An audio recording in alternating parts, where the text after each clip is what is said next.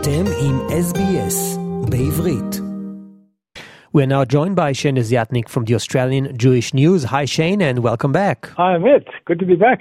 Happy New Year. Thanks, and you just came back from holidays. How was it?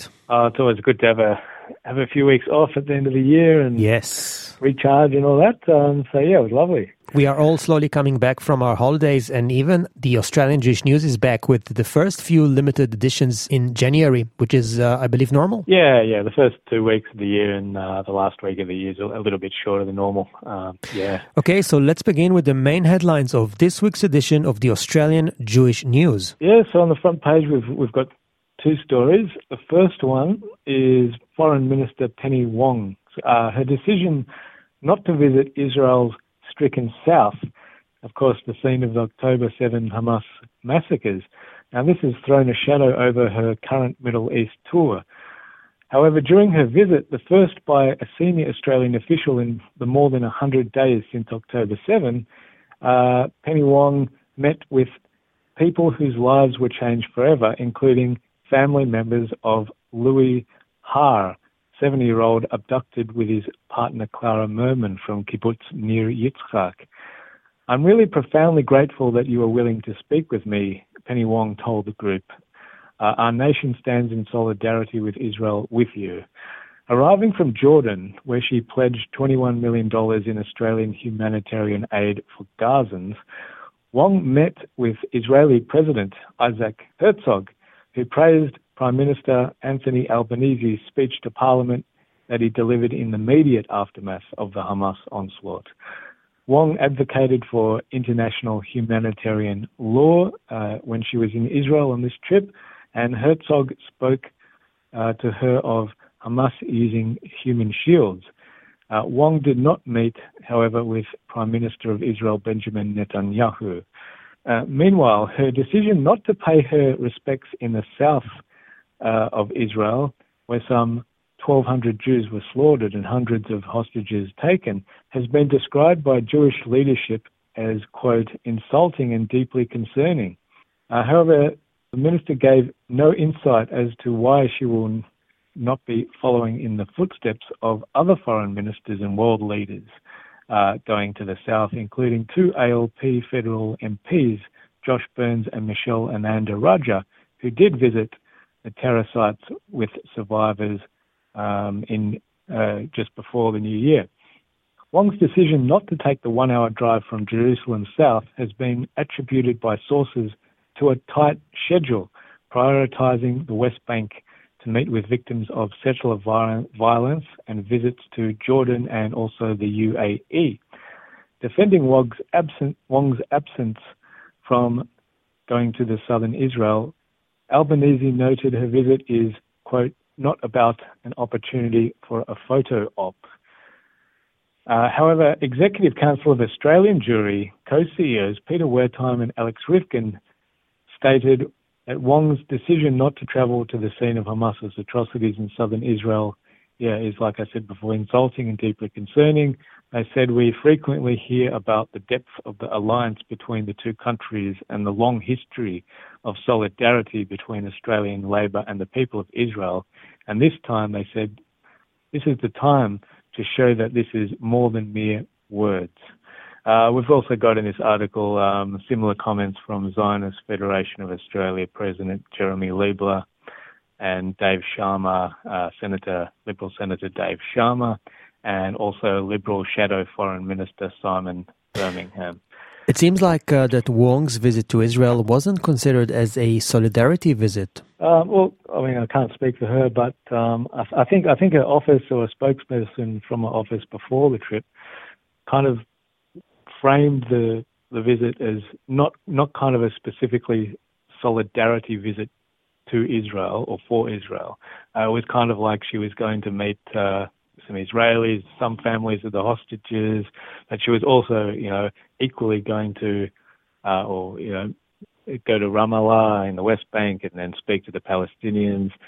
And uh, also, she made this big announcement of uh, doubling uh, Australia's aid to uh, to Gazans uh, for human, humanitarian reasons. Um, and she's kind of pushing this, uh, I guess, um, she's framing it as kind of like uh, Australia's position or Labor's position, the government's position is uh, more towards uh, like pushing for a, I don't know, a ceasefire or, or peace uh, peace solutions. But of course, um, yeah, it's difficult to do that when Hamas, which Australia, of course, uh, prescribes as a terrorist organisation, is in is in control in, in that territory. So, yeah, um, I'll leave it to everyone to to make up their opinion, but it certainly doesn't seem to be a solidarity visit for mm. Israel. And that's a story about Penny Wong's visit to the Middle East. And moving on to other stories, Shane. The other main story on your front page is about a letter that Senator Dave Sharma sent to the chair of Cricket Australia. What's that all about, Jane? Yeah, the other story on the front page is uh, about uh, a letter from uh, New South Wales Senator Dave Sharma, Liberal Senator, who has urged Cricket Australia Chair Mike Baird to speak out against Cricket South Africa's decision to strip David Teeger, uh, a Jewish player for South Africa, of the captaincy on the eve of the South African team on the eve of the Under 19 Boys World Cup, um, which is being held in South Africa from um, the 19th of January. Uh, Cricket South Africa cited security threats to Teeger um, over Israel's war in Gaza ahead of the tournament.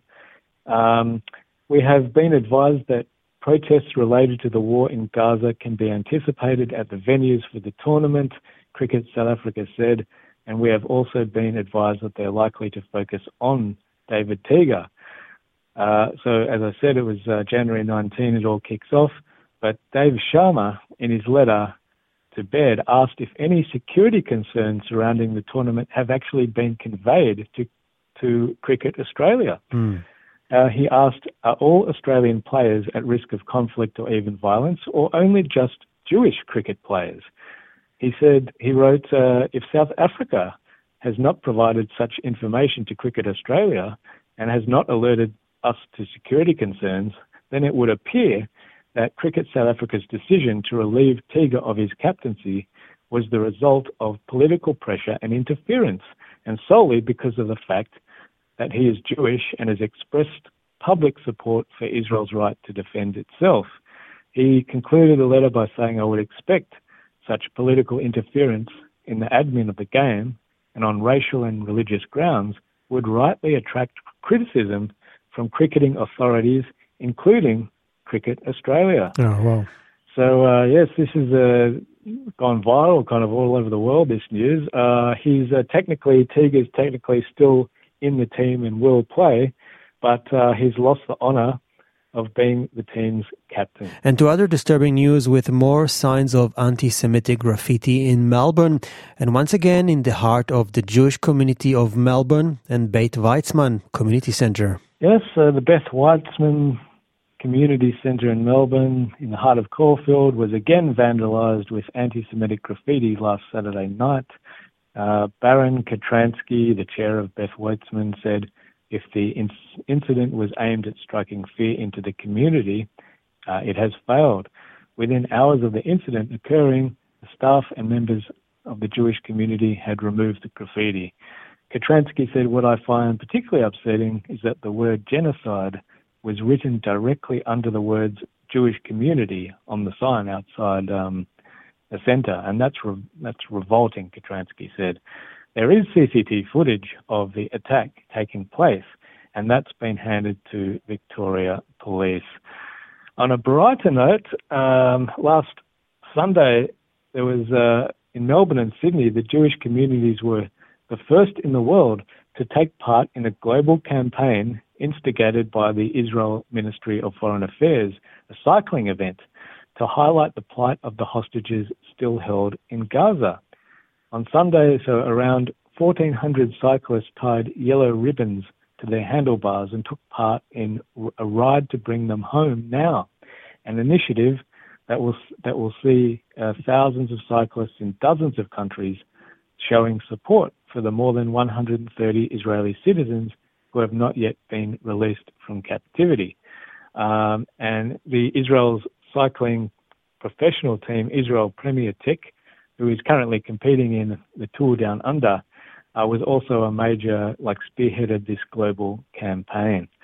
Uh, in Melbourne, uh, there was uh, many, many riders, a huge turnout, and there was uh, speeches from Zionist uh, Victoria and other special guests and politicians too. And in Sydney, nearly oh, more than 100 people took part in a ride and a walk at Centennial Park. And you can read more about this story and other interesting stories on this week's edition of the Australian Jewish News.